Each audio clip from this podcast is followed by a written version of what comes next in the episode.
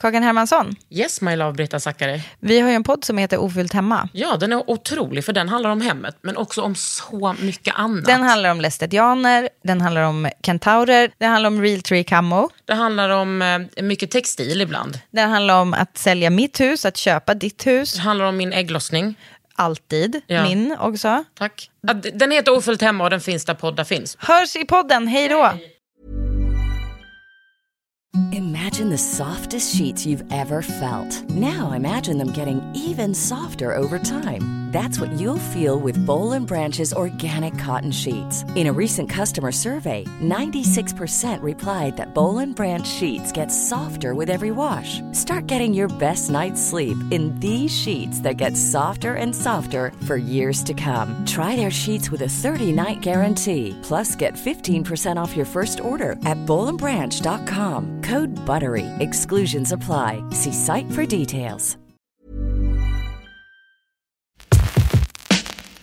Hej tjejer! Eller ni identifierar som tjejer? Ja, Ja, bra. Eh, välkomna till Under huden. tack. Kan inte ni börja med att presentera er själva, nära micken? Ja.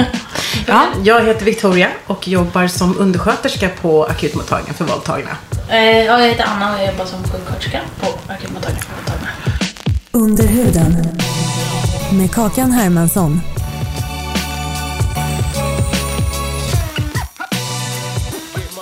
Hur kommer det sig, det, det här måste ni ju ändå ha tänkt på, hur kommer det sig att ni hamnade där ni hamnade? Att ni inte är på en onkolog eller liksom en, en vanlig barnmorskemottagning eller liksom, hur hamnar ni där ni hamnade?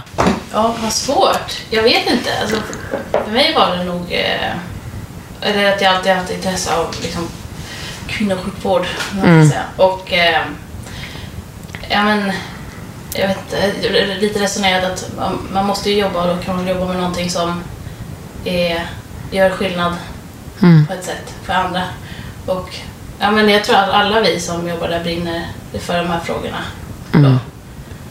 Vad, vad säger du? Ja, men jag, jag tror jag halkade in lite på ett bananskal, om man säger så. Eh, Det var en kollega nu till mig som sa att jag skulle komma och jobba. Eh, För hon trodde att jag skulle trivas där. Och det gör jag.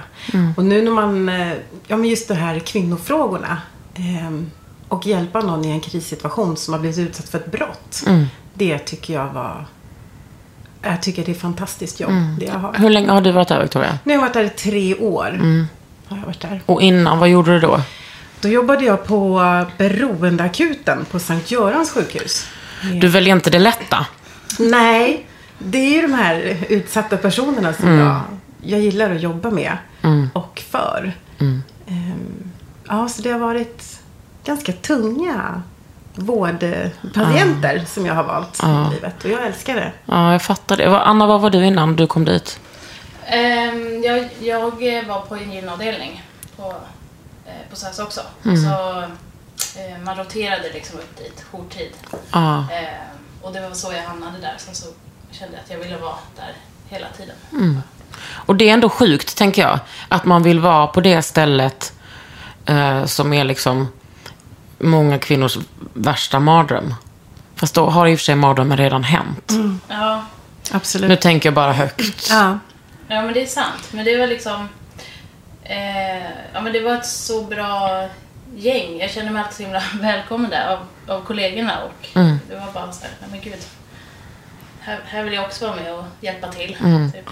Känner ni det liksom eh, bara dag till dag, att ni gör nytta? Ja, alltså de flesta dagar tycker jag ändå. Men eh, sen är det ju dagar där man känner alltså, hopplöshet och vad fan som händer i världen. Och såklart, som alltid när man jobbar med, med sådana här svåra grejer. Men hur, jag måste fråga, eh, vi kan väl ta det lite bara sakligt. Vad händer när en... Är det bara kvinnor som kommer till er? Nej. Nej. Nej, det är alla oavsett könsidentitet. Ja. Så vi tar emot alla personer som blir utsatta för sexuellt våld. Eh. Är det något nytt eller? Ja, men sen 2015 så, så har vi börjat med att ta emot männen också. Förut hette det ju AVK, akutmottagning för våldtagna kvinnor. Och nu är det ju bara akutmottagning för våldtagna. Precis. Vi tar emot eh, barn, eller från 13 års ålder. Eh, eller när man har börjat menstruera. Och då kan man ju vara yngre som tjej då. då. Så vi tar emot alla. Men ni tar liksom emot alla in-betweens också, alltså queers som, har, in- som är intergender. Och, mm. Absolut. Herregud, Absolut. alltså. 13 år. Ja. Men när en person kommer till er, vad händer då? Ehm, man, man, man kommer till oss, vi tar emot upp till en månad efter ett övergrepp. Eh, och sen lite beroende på när inom den här månaden man kommer. Eh, ja, det skiljer sig lite men eh, upp till en vecka efter ett övergrepp så kan man spårsäkra efter DNA. Och då är det ju vi omvårdnadspersonalen som gör den mesta delen av det. Ehm, och topsar och tar prover och sådär. Eh, och sen så man brukar ha ehm, ett... eh, Man gör ju en rättsmedicinsk undersökning i princip. Och hur går den till? Kommer. Då pratar man först ganska länge med eh, en sköterska, Mm. eh, en sjuksköterska eller undersköterska, eh, där man tar liksom, ja, den sociala biten, hur det ser ut runt omkring patienten, eh, om man har samtalsbehandling någonstans, och annars får man det hos oss. Mm. Eh, och sen går man igenom vad som har hänt, eh, alltså själva övergreppet. Mm. Före, under och efter och ganska detaljerat. Så. Och sen ja, tar vi prover och så får man träffa läkare och göra en läkarundersökning. Fota om det finns skador och Mm. sen en gynundersökning. Ja, så det är först liksom kroppen och sen underlivet. Ja, Ja. oftast. Men allting är ju helt frivilligt och det, det liksom trycker vi ganska mycket på att det är verkligen eh, patienten själv som måste Mm. bestämma hur mycket eller lite man vill göra. Mm. Att man så här, hela tiden håller det eh, ja, att man påpekar det flera gånger liksom. Mm. Så det det inte upplevs som ett nytt övergrepp. Nej. Och det, jag tänker att det måste ju ha utvecklats så mycket, sättet man undersöker och bemöter en våldtagen person. Och att det har så himla mycket med så här feministisk kunskap att göra. Det måste ju ha Absolut. utvecklats säkert bara på tiden ni har varit där. Eller har det skett några förändringar? Nej, men alltså, jag har ju inte varit där så länge. Ehm, men jag tänker att just den här um, transfrågan nu som vi jobbar ganska mycket med. eh, att få hit alla, som sagt, oavsett könsidentitet. Den tycker jag att vi har jobbat väldigt, väldigt mycket med den sista tiden. Eh, och att alla ska känna sig inkluderade. Och att vi ställer liksom den frågan också. Hur, eh, vad benämner du dig som? Liksom. Att man inte bara tar det som folk kanske passerar som. Precis, precis. Vi frågar om pronomen och könsidentitet. Den, den frågan tycker jag vi har jobbat väldigt, väldigt mycket med den sista tiden, sista året. Är det någonting som kommer uppifrån att ni måste jobba med det? Eller är det att eh, ni själva har sett ett behov? Nej, ja. Det är nog, alltså, vi, eller framförallt eh, projektet, liksom projekt som pågår. Mm. Jämlik vård och sådär. Och eh, en av våra psykologer som har varit drivande i det. Eh, och, så. Och sen så är det ju vi som vidareutbildar, eller liksom, ja, utbildar, vad ska säga, personalen i hur man ställer frågan och, och trans, eh, transpersoners ja, Ja, för den delen känns ju så sjukt viktig. Också med tanke på hur utsatta transpersoner är. Ja, väldigt. Kan befinna sig i, i prostitution. Och åh, herregud, Absolut. vilket jobb ni gör. Jag blir överväldigad. Det är ju sjukt. Ja, men precis. Och just det här också att vi har ju personer som eh, säljer sex som självskada till exempel. Mm. Att det är viktigt att man fångar upp dem så att de också får rätt hjälp och, och kunna gå vidare. Mm. Hur gör ni det? Alltså vi har ju, vi, vi gör ju precis som vi gör med alla andra när de kommer till oss, den här rättsmedicinska undersökningen och ett bra bemötande. Ehm, och sen så har vi ju olika mottagningar i Stockholm som jobbar med just sådana här frågor. Ehm, så då så brukar vi knyta upp dem till sådana mottagningar som jobbar eller med sex självskada eller man säljer sex. Det är inte... Det är liksom inte lite som ni har att göra med. Alltså jag tänker att det, inte, det är aldrig bara ett övergrepp. Nej. Utan jag tänker att det är, om det är ett övergrepp. Alltså jag är ju uppvuxen då som feminist med att de vanligaste övergreppen sker i relationer. Men liksom när gemene man eller person kanske trodde att det var en man i busken. eh, Så förstod man ju som feminist när man liksom pratade om det och skaffade kunskap att det var vanligare med kanske ens pojkvän eller eh, pappa eller bror eller kompis. Eh, Skulle ni säga att det speglar era patienter? Alltså att det oftast är vad man känner. Ja. Ja, absolut. Det är det? Ja, det skulle jag säga. För jag tänker att, att, att, att även om det speglar era patienter behöver det inte betyda att det ser ut så. För att det är fortfarande bara en... Det är inte alla som söker hjälp. Nej, ja. absolut inte. Det är ju precis så. Man kanske är mer be- benägen att söka hjälp också direkt när det just är ett överfall. För att man Mm. kanske, polisen kommer till platsen och de, ja, många av våra patienter kommer in med polis faktiskt. Eh, Ah. och, eh, och så. Vad är det som kan ha hänt då? Är det liksom överfall utomhus eller vad, vad är det? Alltså det är ju inte så ofta det är överfallsvåldtäkter. Jag vet inte alls hur många procent som det är. Men det är ju inte ofta Nej. som vi får dem. Nej. Men man kan ändå komma in med polisen, alltså om man har blivit eh, våldtagen såklart av sin kille eller pappa eller whatever, att man, man ringer dit dem. Ja, alltså då kanske man har ringt bara för att göra en polisanmälan. Och sen är ju polisen väldigt duktiga på att säga att vi finns då på Södersjukhuset. Ehm, så då kan man ju få skjuts av polisen till oss. Ah, wow. Men det man ska komma ihåg det är att man behöver ju inte polisanmäla Nej. när man kommer till oss. Nej, det finns inget sånt krav. Nej. Nej, och jag tänker att det, jag tycker, eller ja, det, det kanske är lite mer sekundärt. Vi har ju liksom den vårdande uppgiften nu. Att ta prover och se till så att man orkar att sova och orkar äta och orkar gå till jobbet sen efter den här, det här brottet som har begåtts. Ligger man inne några dagar eller det kanske beror på skador? Nej, utan det är mer, eh, alltså om man skadar så, det händer ju väldigt sällan att, att någon läggs in efter. Men eh, vi har ju ingen sån verksamhet, Nej. slutenvårdsverksamhet liksom. Nej, utan man kommer på ett besök och gör det här. Precis, men när de går därifrån så ska de ha med sig, eller då ska vi ha liksom en tydlig uppföljning för patienterna. Mm.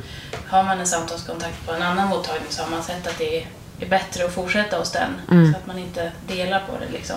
Så då har de antingen fått en remiss för kännedom till, om de vill det, Mm. till sin aktuella samtalsbehandlare eller att de har fått en tid hos oss inom Mm. tre dagar brukar det vara. Och sen tid för läkaråterbesök och Mm. eventuell vaccination och sådär. Mot hepatit B. Ah, ja, ja, ja. Så att man liksom släpper dem inte när man går Nej. från oss.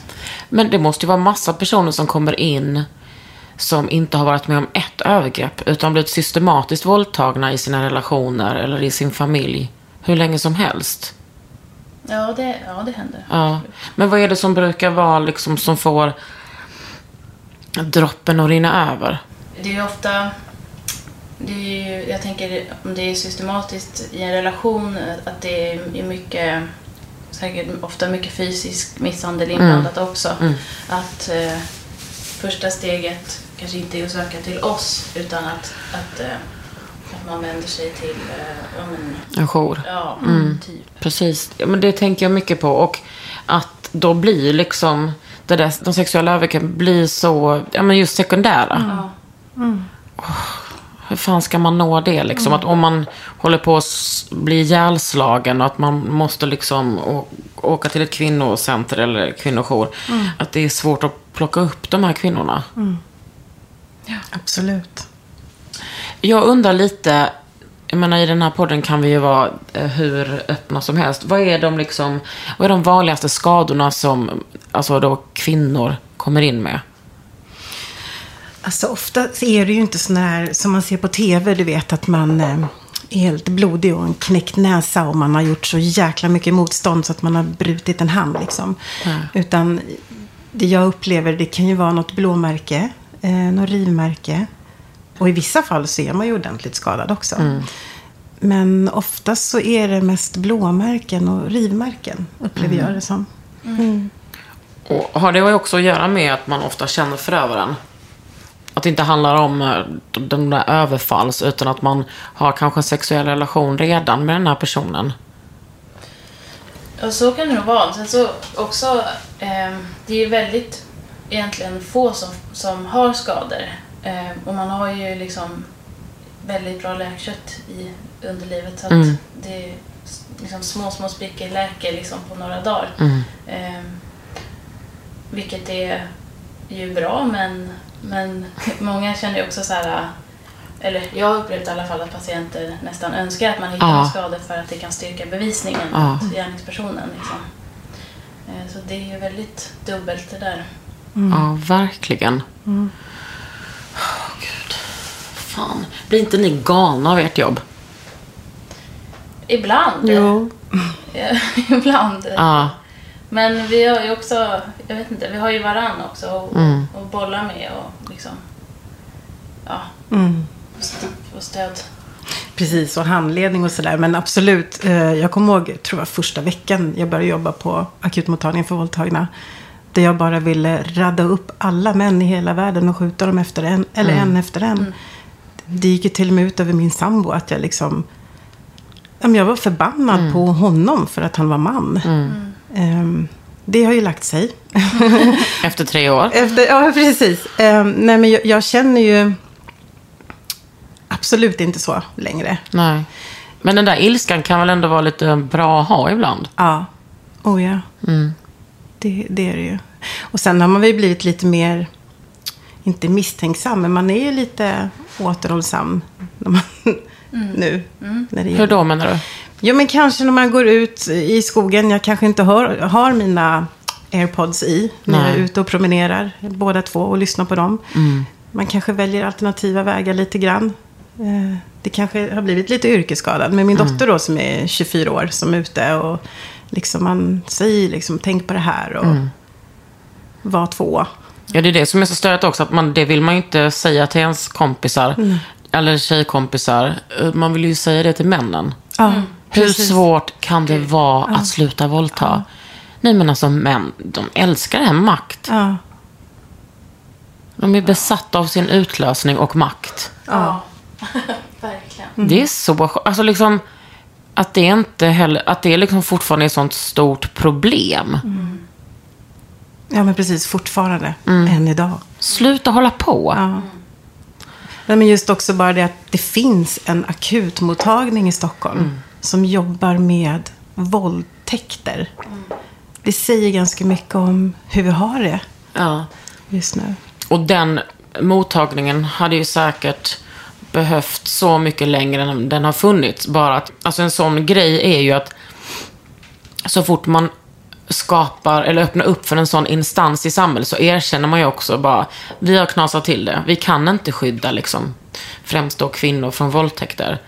Eh, Men det är ju samma, att vi har liksom instanser i hela Sverige, världen, för att liksom sopa upp efter mäns jävla skit. Alltså alla kvinnojourer. Och, och att det är så himla mycket så, det är kvinnor som jobbar för de här grejerna, som bränner ut sig, som sliter liksom.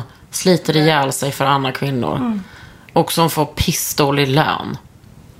Ni är inte miljonärer direkt. Nej. Nej. Och är ni det, är ni, är ni inte det på grund av jobb? Nej. Nej. Nej, vi är inga miljonärer. Nej. det är vi inte. Men vi älskar vårt jobb. Och det är Ja. det som driver oss. Precis. Skulle, skulle ni säga att innan ni började jobba att ni hade en, en feministisk stark grund som ideologi?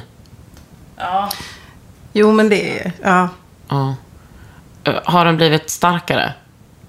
ja, det tror jag. Hur, har den, hur har det liksom förändrats, tycker ni? Alltså, är det samhällssyn?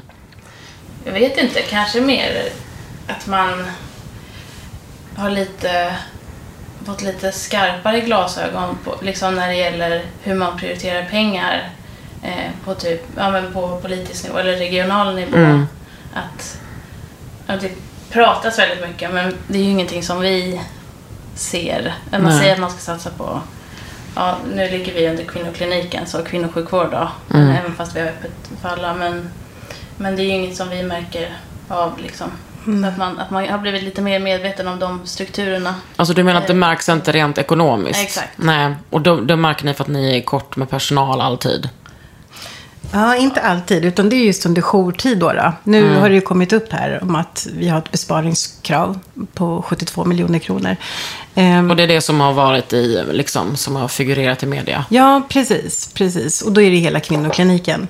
Men, men Alltså. på akutmottagningen för våldtagna så har man ju dragit ner med personal. Jourtid, alltså söndag till torsdag, nätter. Då är det en person som ska ta emot de här våldtagna personerna som kommer in.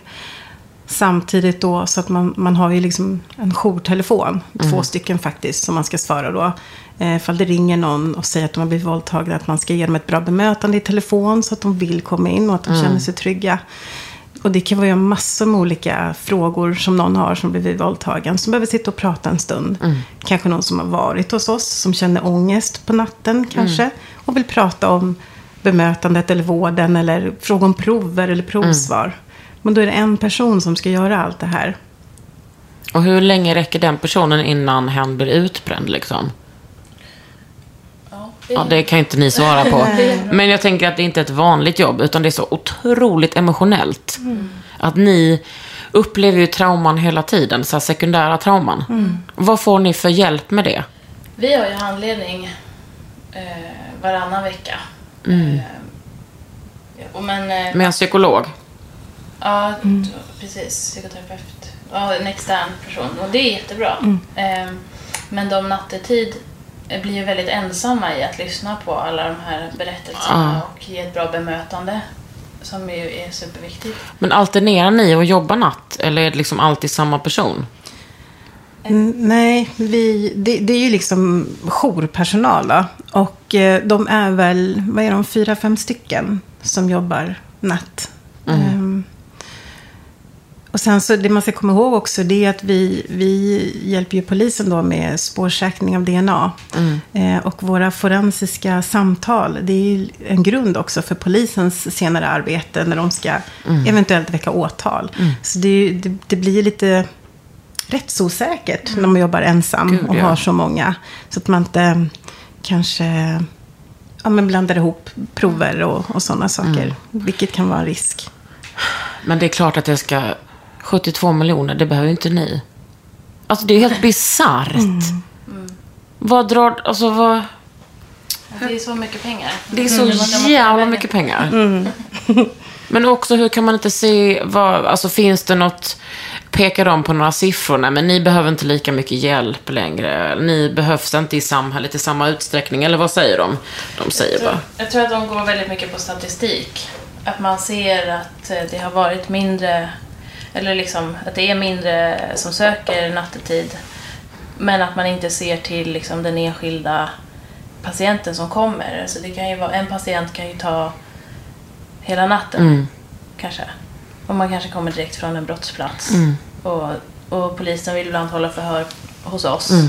Och eh, ja, så det, det, kan, det, det går ju inte att, att liksom bemanna efter statistik på den här typen av verksamhet riktigt. Vilket man gör. Nej, va, nej. Herre min skapare. Men har ni polis som eh, är återkommande hos er, som är liksom lite experter på de här brotten? Nej, det det patruller. Ja. Hur tycker ni att de är då? Jo, men jag upplever att de är... Det är klart att de behöver kanske lite mer kunskap. De, de har ju sitt uppdrag. De vill ju fånga en gärningsman eller gärningskvinna. Eh, medans Men vi- du, Ja, så ofta är det inte en gärningskvinna va? Nej. Nej. Ehm, nej men precis. Och vi har ju vårt uppdrag, det medicinska. Mm. Och psykosociala uppdraget. Liksom. Så, så de kommer dit, de skjutsar dit den här personen. Berättar lite kort vad som har hänt. Och säger att ja, men vi vill gärna ha kläderna sen. För de vill ju hitta Mm. DNA och sånt också. Ehm, Medan vi har ett helt annat bemötande och en helt annan inriktning. Liksom. Mm. Men jag tror att de kanske skulle behöva lite mer utbildning när det gäller våldtäkter. Kanske lite längre utbildning generellt. Ja. Men det är inte därför vi är här och Nej. pratar den här podden. Men, ja, men jag tänker att ett dåligt bemötande av vem som helst i den situationen kan ju bli så ännu mer traumatiserande. Oh ja. Vilka, hur skulle ni säga att att eh, de sekundära traumorna, alltså det som ni hela tiden får lyssna på och uppleva, hur påverkar det er? Sekundär traumatisering är ju, det är, det är ju risk för att drabbas av det när man jobbar med våldsutsatta generellt. Liksom. Men jag tänker, hur, hur kan det bara vara risk? Är inte det helt självklart att ni lider av det? Ja, men det är, alltså, man har haft perioder där, med, där man s- svårt med insomning och vakna på nätterna och sådär. Absolut. Är det liksom att de här historierna och vittnesmålen bara snurrar i skallen? Ja, alltså kanske inte liksom specifika... Eh, det har liksom hänt någon gång ibland att man känner att man liksom tar med sig en historia hem. Eh, men det är nog mer att det byggs på. Eh, och att man... Ja, men, eh, dels hemska historier i kombination med en hopplöshet eh, inför samhället. Liksom, och att det bara eh, tynger ner en. Liksom, och att man, man blir utmattad av det. Mm.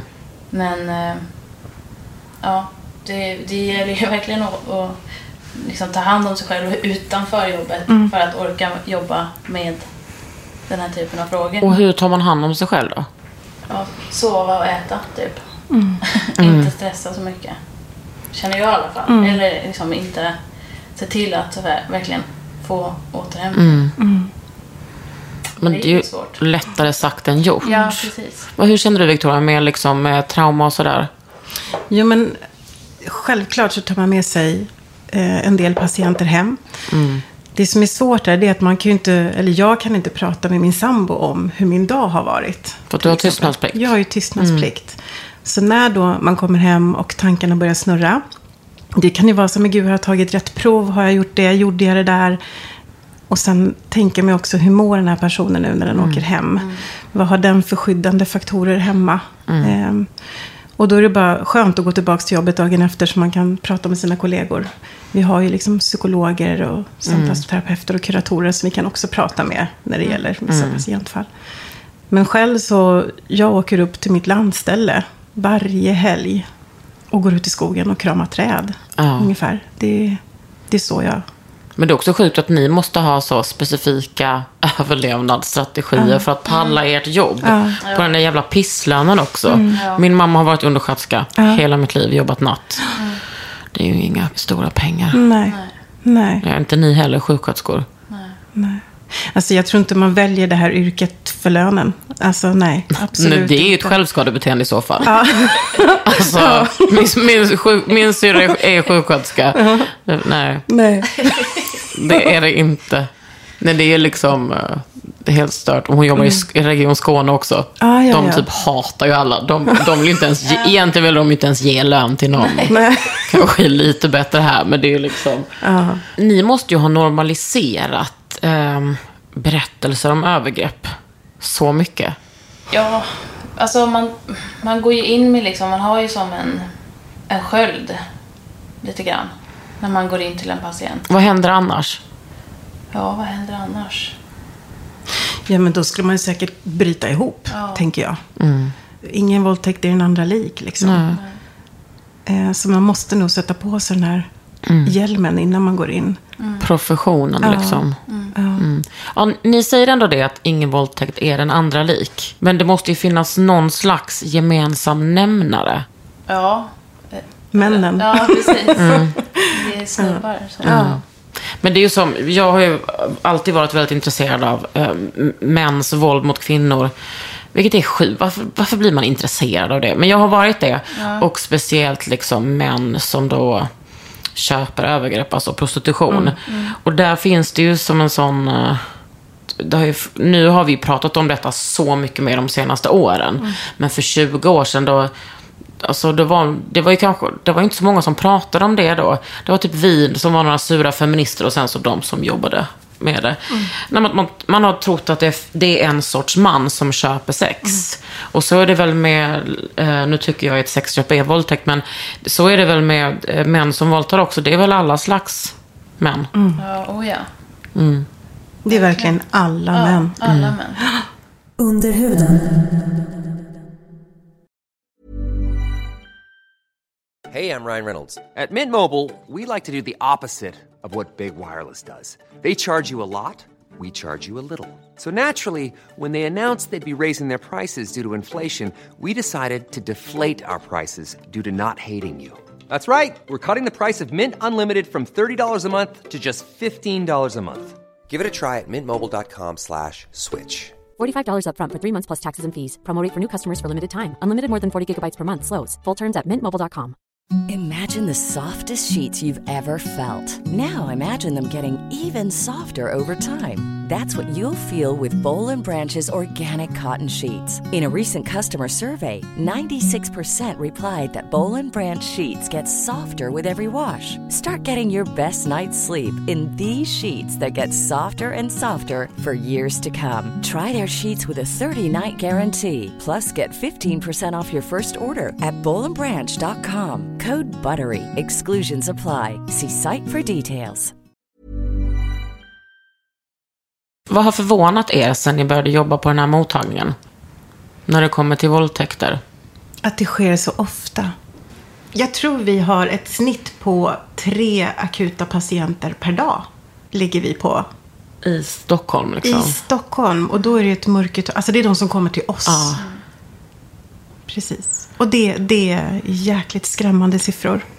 Faktiskt. Tre varje dag. Nej men alltså jag tänker ju på, nu har jag ju haft sån uh, tur. Eller skicklighet eller Guds gåva. Jag var ju aldrig med män när jag var ung. Jag har liksom levt lesbiskt uh, ganska länge.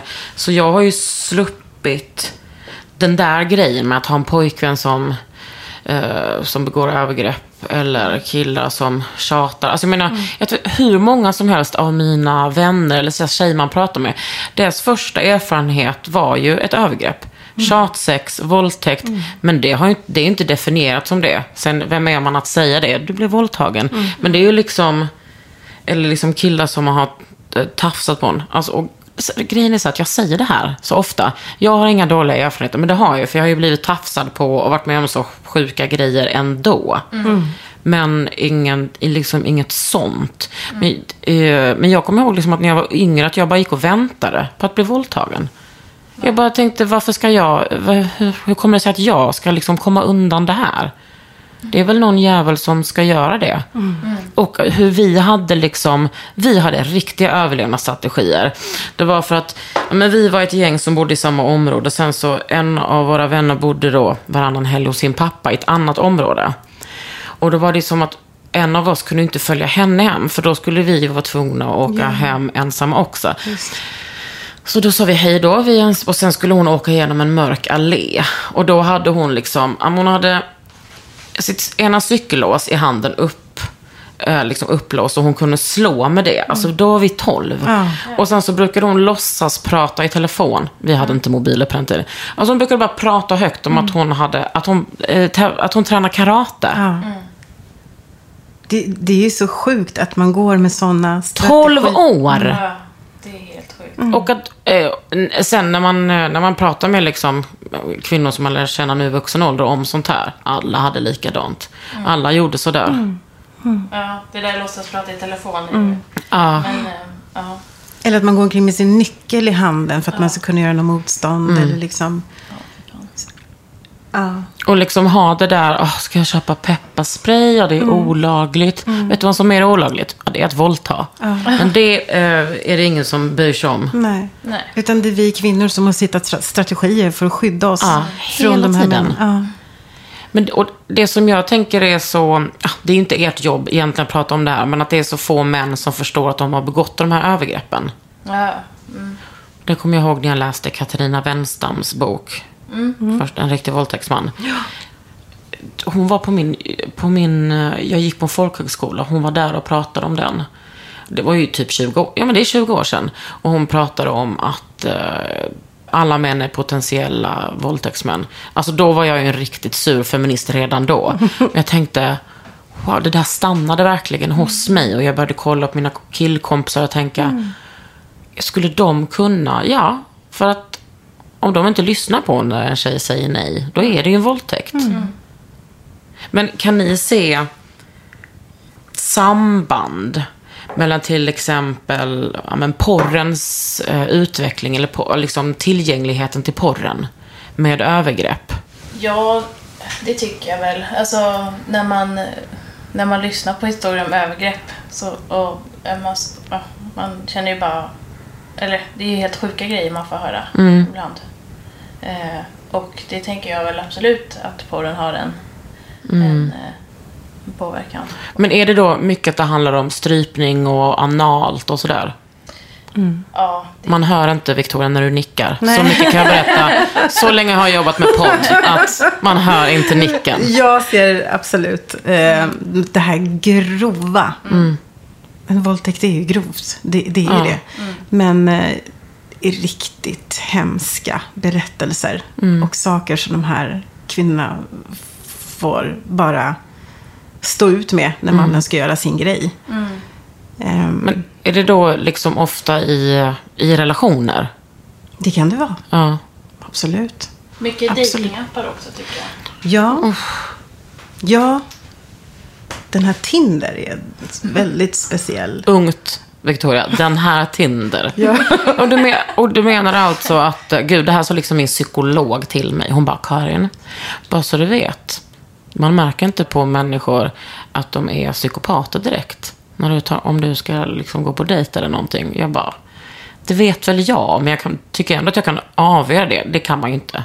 Nej. Nej. Alltså, så ni menar alltså folk träffas och går på dejt och så they become the devil?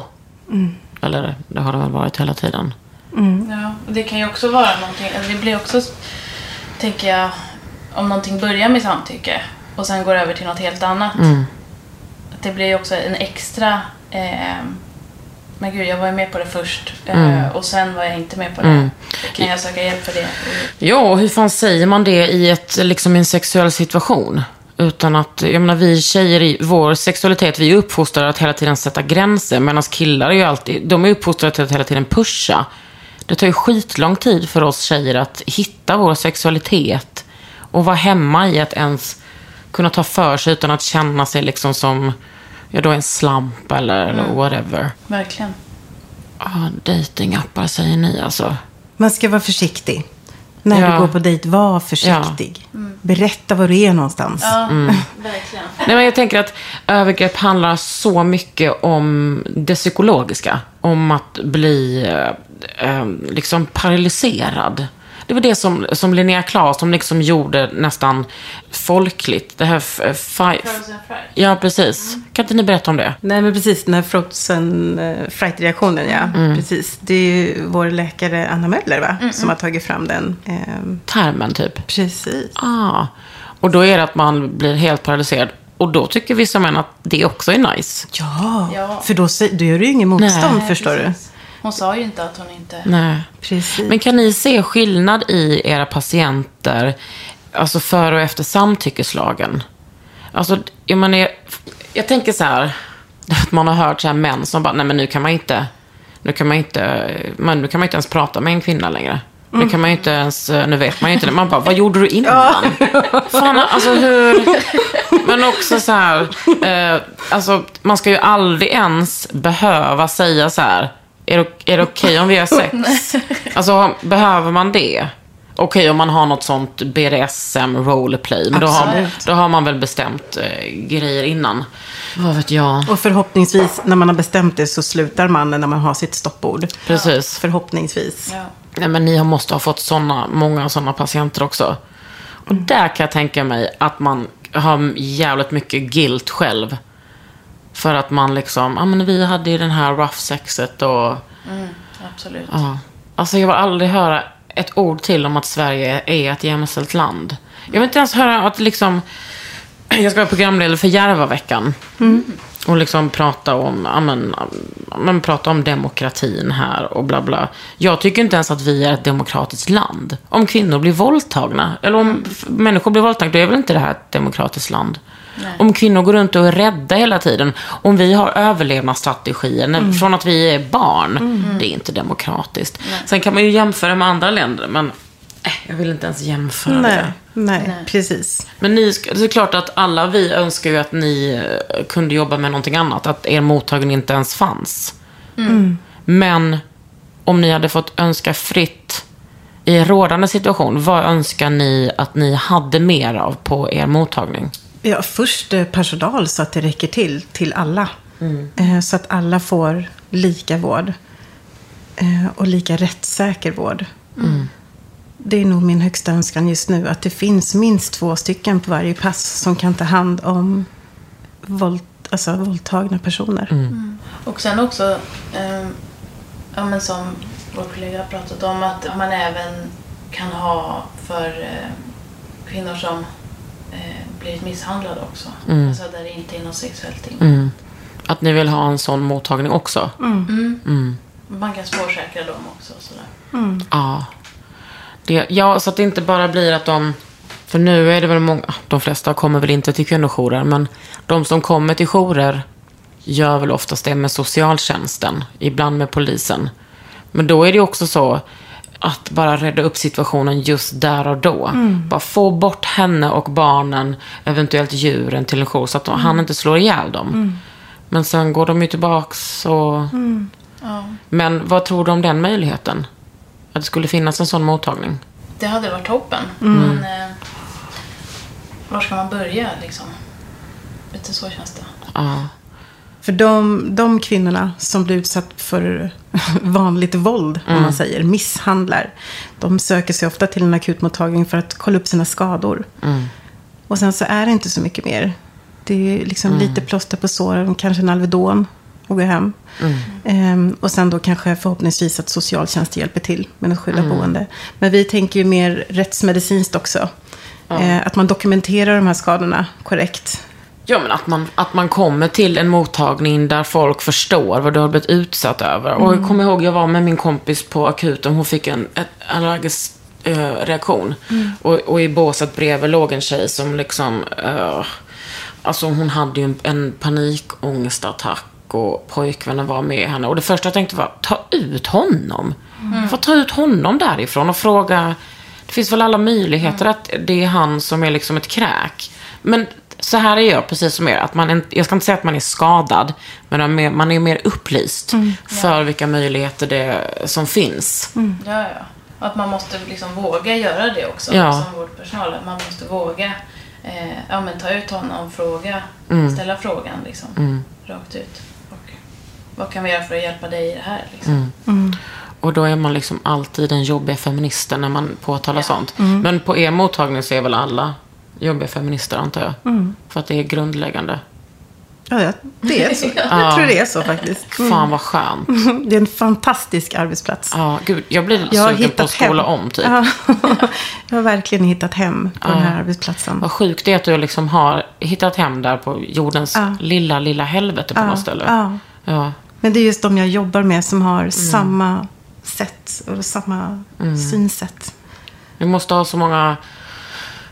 Ni måste kunna konversera tyst. På så många sätt. Att ni bara vet exakt vad ni går igenom. Men det, ni måste väl också bryta ihop då och då? Oh ja. Oh ja. Ja, det händer. Hur känns det då? Jag brukar liksom bara tänka så här. Jag måste bara göra det bästa för den här personen. Och så får jag gå och gråta sen. Ehm, så hela ti- tiden så tänker jag på. Jag måste bara göra det bästa för den. Så att den mår bättre när den går härifrån. Och sen så har jag mina kollegor som kan trösta mig eh, efter det. Fan. Det är inte klokt. Vad skulle ni säga procentuellt? Ja, nu är jag lite konservativ. Tvåkönssystem då. Hur många procent män, kvinnor är det som kommer? Åh, gud, jag kollade upp det. Ja. Men eh, jag har glömt. Men, eh, Men om ni liksom känner, känner lite på det. Ja, men kanske åtta av tio då är kvinnor. Mm. Kan jag säga. Och eh, alltid en man som är förövare nästan. Mm. Det är väl 98 procent av allt sexuellt våld. Eller 99 procent. 99 så. 99 som utförs av män. Har ni haft någon, eh, något offer med kvinnlig förövare sedan ni började jobba? Ja, jag har haft en, Ja. två. Mm. två. En, men det är nog samma. Hur blir det för er när ni har semester? Kan ni lämna jobbet då eller liksom? Hur känner ni er? När ni inte gör den där nyttan som ni alltid gör. Jag känner mig nog ganska fri. Men det tar ett tag innan jag hinner varva ner. Men när jag är borta ett tag så det gäller verkligen att, att koppla bort jobbet. Eh, Så att man funkar som vanligt. Så att det är okej att gå in på en bensinstation och där står en man som ska snacka om olika oljor till bilen. Och bara koppla bort att du man, du vet, som ska mansplaina och hålla på. Eh, Det tar ett tag att koppla bort och varva ner. Där. Fast jag menar, tänk, när man har satt på sig de där glasögonen, då har man ju ändå på dem. Man har det. Då är det ju som, liksom, mer som en sån las, ögonlaseroperation. Man kan ju inte ta av dem. Då ser man ju den där skiten hela tiden. Det är så jobbigt. Jag satte på mig de där glasögonen när jag var så jävla ung. Och då blir man ju liksom galen. Ja. Men sen, ju äldre jag blir, desto fler blev ju feminister. Så att då, då har man ju liksom sina systrar och syskon och kan dela det liksom. Tror ni att ni kommer jobba kvar länge? Jag vet inte. Alltså, man, I någon form vill man ju jobba med de här frågorna lång tid framöver. Eh, sen tänker jag också, man måste ju hela tiden känna av själv hur mycket orkar man eh, jobba med våld. Liksom. Är det därför era kollegor, om de slutar, är det därför de slutar? För att de har fått nog? Jag vet inte. Nej, jag, Det är nog väldigt olika, tror jag. Ja, jag tror också att nedskärningar gör att man inte känner att man kan göra ett riktigt bra jobb. Eh, och därför söker man sig vidare till något annat. Ehm, så de här nedskärningarna förstår ju jätte- jättemycket. När vi vill så himla mycket för de här eh, utsatta personerna. Och vem är det som bestämmer eh, hur mycket pengar ni får? Det är kommunalpolitikerna, landstingspolitikerna. Det är mo- Hon är så gängig. Moderaterna. Ja. Don't vote. Alltså, rösta inte på Moderaterna. Det här är ju Men inte är Sveriges Radio. Ja, precis. liksom, Man får ju. Ja. Gör, alltså rösta gärna på ett feministiskt parti. Eller liksom någon som bryr sig om uh, omsorg. Ja, verkligen. Nej, men hur, det är en annan diskussion hur man kan. Moderaterna är en helt annan. Nej, men, Men det är också så, det är så långt över våra huvuden liksom, så man känner sig lite maktlös i allt det där. Ja. Ganska ofta. Fan vilket jobb ni gör, trots allt det här. Alltså kvinnor är fan helt otroliga. Är det, är det bara kvinnor som jobbar hos er? Ja, nu. Ja. Men eh, män får också vara där och icke-binäris. Eller? Patienter eller... Nej, nej, nej, alltså ni som jobbar där. Nej, det är bara kvinnor som jobbar hos oss. Ah. Var går den, alltså jag menar var, ehm, om det kommer en icke-binär som vill jobba hos er, hur är, det, är den... Nej, det, men det tror jag. Alltså, det finns inget som säger att, de, att man inte Det bara har blivit så? Ja, det tror jag. Ja, okej. Ja, ni har inte den reglerna. Alltså, jag eh, hoppas aldrig att vi ses på er arbetsplats. Men fan, jag älskar er. Alltså, tack för att ni gör det här och era otroliga kollegor. Vilka jävla hjältar ni är. Fint. Eller? Ja, men alltså ni är, ni är fan bäst alltså. Jag hatar att ni finns, men ni är bäst. Tack så mycket. Ja, ni har lyssnat på Victoria, Anna? och ni jobbar på akutmottagningen för våldtagna på Södersjukhuset. Gud, lät så lycklig. Ja. Ja, det, men ni förstår ju. Och det här är Under huden med mig, Kakan Hermansson.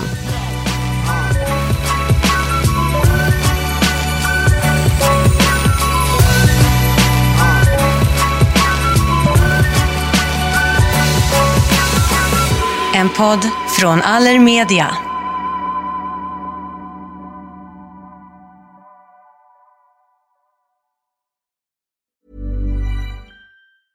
Hey, it's Paige DeSorbo from Giggly Squad. High quality fashion without the price tag. Say hello to Quince.